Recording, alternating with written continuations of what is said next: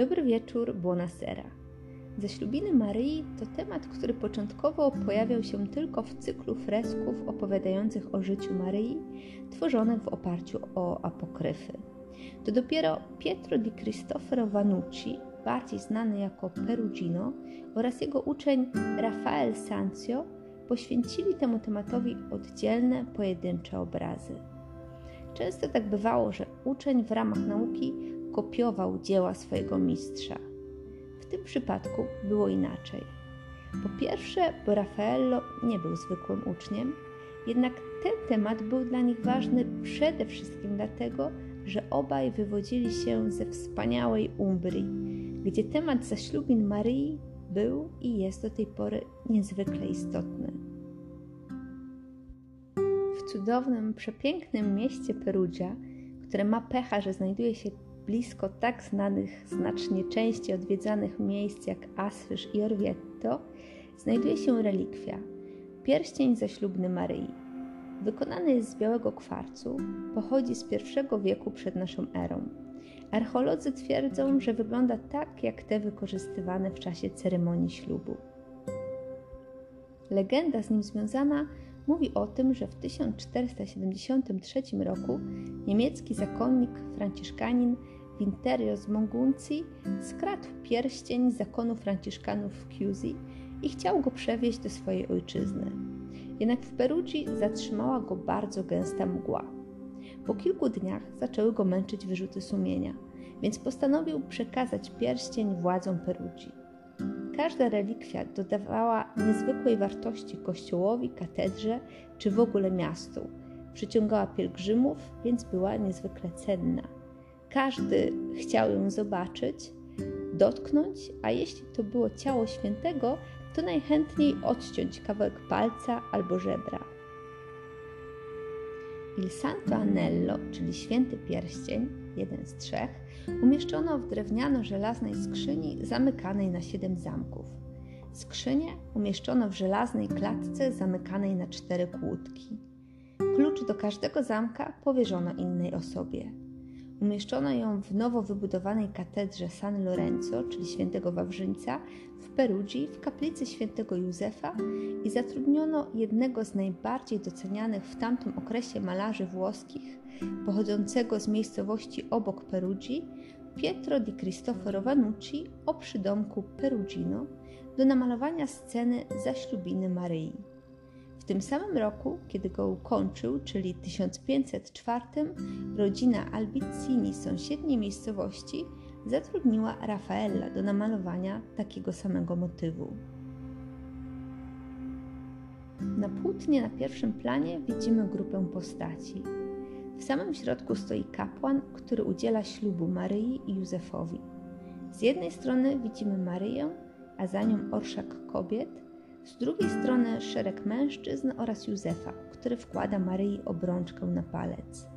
To jest również moment wyboru Józefa na męża Maryi. Aby dodać temu wydarzeniu cudowny charakter, każdy z mężczyzn trzyma gałąź lilii. Kwiat lilii jest symbolem czystości Maryi. Jednak jedyna gałąź, która zakwitła, to ta trzymana przez Józefa.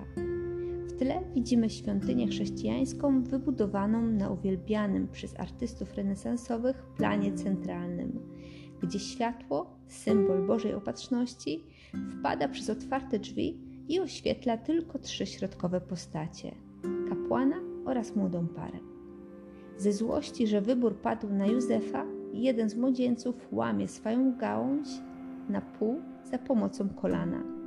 U Beato Angelico 50 lat wcześniej dwóch mężczyzn posunie się jeszcze dalej i będą chcieli pobić Józefa.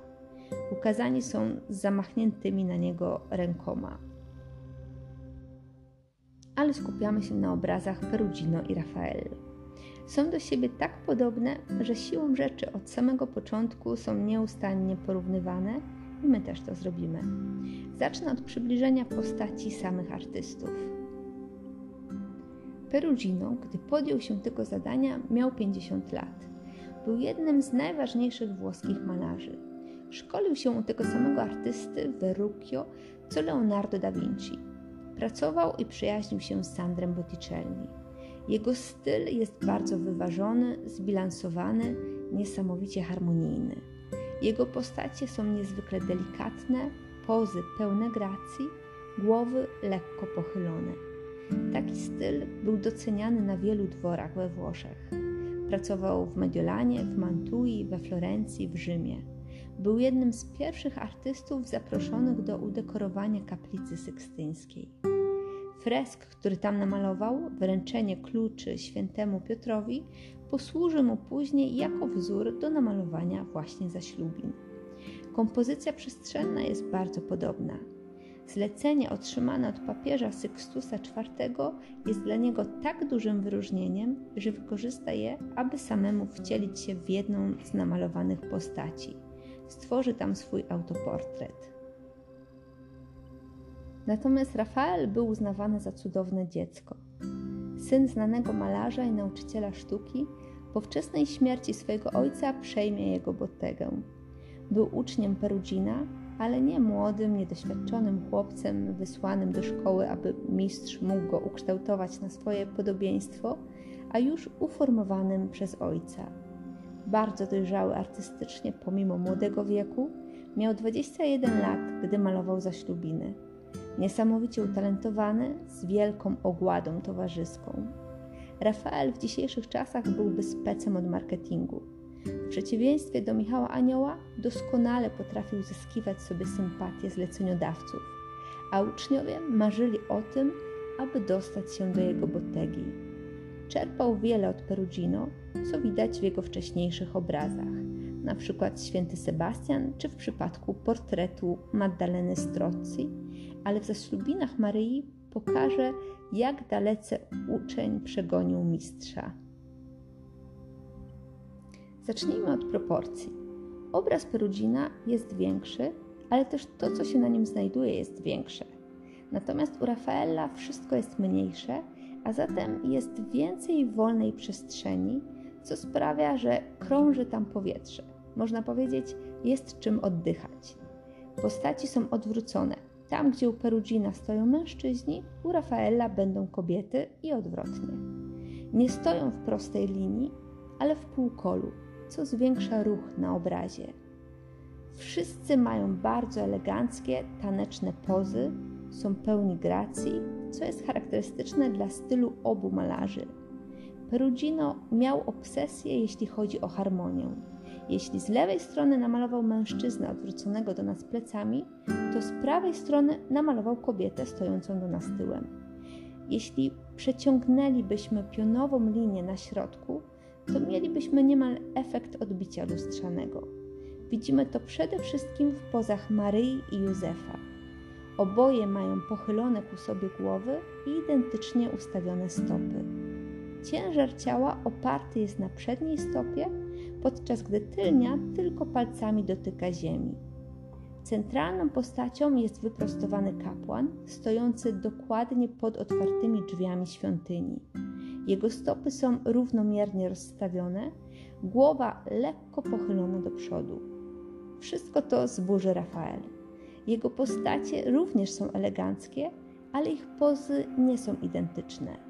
U Maryi widzimy tylko fragment buta, drugi jest przysłonięty przez suknię. Madonna ma wydłużoną i poszerzoną szyję, co wydłuża i wysmukla jej postać. Józef stoi w pozie iście baletowej. Ruchu i naturalności całej kompozycji dodaje przede wszystkim kapłan, który nie stoi sztywny, wyprostowany, ale ma lekko przechyloną głowę i całe ciało w jedną stronę. To wydają się szczegóły, ale to właśnie one sprawiają, że cała scena jest bardziej naturalna i swobodna. Kolejną ogromną różnicą jest świątynia namalowana w tle. W obu przypadkach nie kończy się zamkniętym murem, ale prześwituje przez nią światło, które ma też znaczenie symboliczne. Oświetla trzy główne postacie jako kolejne potwierdzenie wyboru Józefa na męża Maryi. Prawdopodobnie obaj artyści zainspirowali się dziełem anonimowego malarza z Urbino Miasto Idealne, ale Rafael mógł też widzieć rysunki przygotowawcze do świątyni świętego Piotra w Montorio, wielkiego architekta Bramantego, którego często bywał na obiadach. Faktem jest, że świątynia namalowana przez Rafaela zadziwia doskonałością i niezwykłą techniką malarską. Rafael wiedział, że jest świetny w przedstawianiu architektury i dumny ze swojego dzieła umieścił swój podpis właśnie na przodzie świątyni. Rafael Urbinas, rok 1504. Do świątyni prowadzą stopnie tworzące kolejne półkole. Takie dwa półkola wprowadzają zdecydowanie więcej ruchu do atmosfery obrazu niż poziome linie Perugina. W tyle Rafaela widzimy przepiękny pejzaż. On zresztą zawsze będzie malował przepiękne, delikatne, łagodne pejzaże. Stosuje technikę zwaną gocioline di luce, kropelki światła, która wymaga niezwykłej precyzji, ale to oczywiście nie było problemem dla Rafaela. Perugino i Rafael to przedstawiciele dwóch różnych pokoleń. Najważniejszy krytyk sztuki z epoki renesansu, Giorgio Vasari, od razu już w XVI wieku podkreśla wyższość dzieła Rafaela, który umiejętnie czerpał z doświadczenia swoich poprzedników Perugina, Leonarda, ale jednocześnie wprowadzał nowum. Mieszkańcy Umbrii również woleli obraz Rafaela, ale na to mógł wpływać fakt, że u niego dobrze widać ich cenną relikwię pierścień ślubny Maryi, a u Perugina jest on schowany w dłoni Józefa. Rafael potrafił doskonale odczytywać oczekiwania odbiorców. Obecnie żaden z dwóch obrazów nie znajduje się w Umbrii. Obydwa zostały wywiezione przez wojska francuskie Napoleona. Pierwszy do Caen we Francji, a drugi do Mediolanu, do Pinakoteki Brera, założonej przez Napoleona, który chciał z niej uczynić drugi Louvre. Puste miejsce w katedrze świętego Wawrzyńca raziło w oczy, więc Urząd Miasta Perugia zlecił namalowanie trzecich zaślubin. Autorem obrazu z 1825 roku jest Jean-Baptiste Vicard. Dzieło jednak nie zostało dobrze przyjęte. Po pierwsze, dlatego, że Maryja i Józef klęczą, a przecież nie wypada, żeby klęczeli. Po drugie, dlatego, że trzy kobiety namalowane w tle ubrane są bardzo niegodnie. Ale widać pierścień. Z relikwiami jest tak, że bardzo wiele z nich nie jest uznawanych przez Kościół katolicki. Gdybyśmy połączyli wszystkie drzazgi, które twierdzi się, że pochodzą z Krzyża Świętego, to pewnie powstałby nowy krzyż aż do samego nieba. Były one jednak ważne dla chrześcijan, przede wszystkim w epoce średniowiecza i nie tylko, bo były pamiątką po ważnym przeżyciu, doświadczeniu. A dlaczego my obecnie, kiedy podróżujemy, to robimy tysiące zdjęć odwiedzanym miejscom, mimo że w każdej chwili możemy takie zdjęcia, a nawet zdjęcia dużo lepszej jakości, znaleźć w internecie, bo one też są pamiątką po ważnym dla nas przeżyciu. Jedźcie do Perugii i róbcie dużo zdjęć.